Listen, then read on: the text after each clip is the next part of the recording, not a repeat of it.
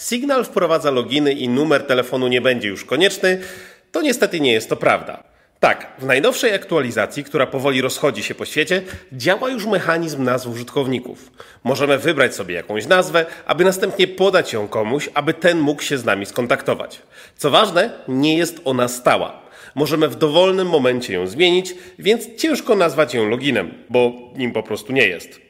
To po prostu sposób na nawiązanie pierwszego połączenia pomiędzy dwoma użytkownikami. A numer telefonu nadal wymagany jest do założenia konta w usłudze. Po prostu nie wyświetla się już domyślnie i możemy nie dzielić się nim z kimś, z kim chcemy porozmawiać.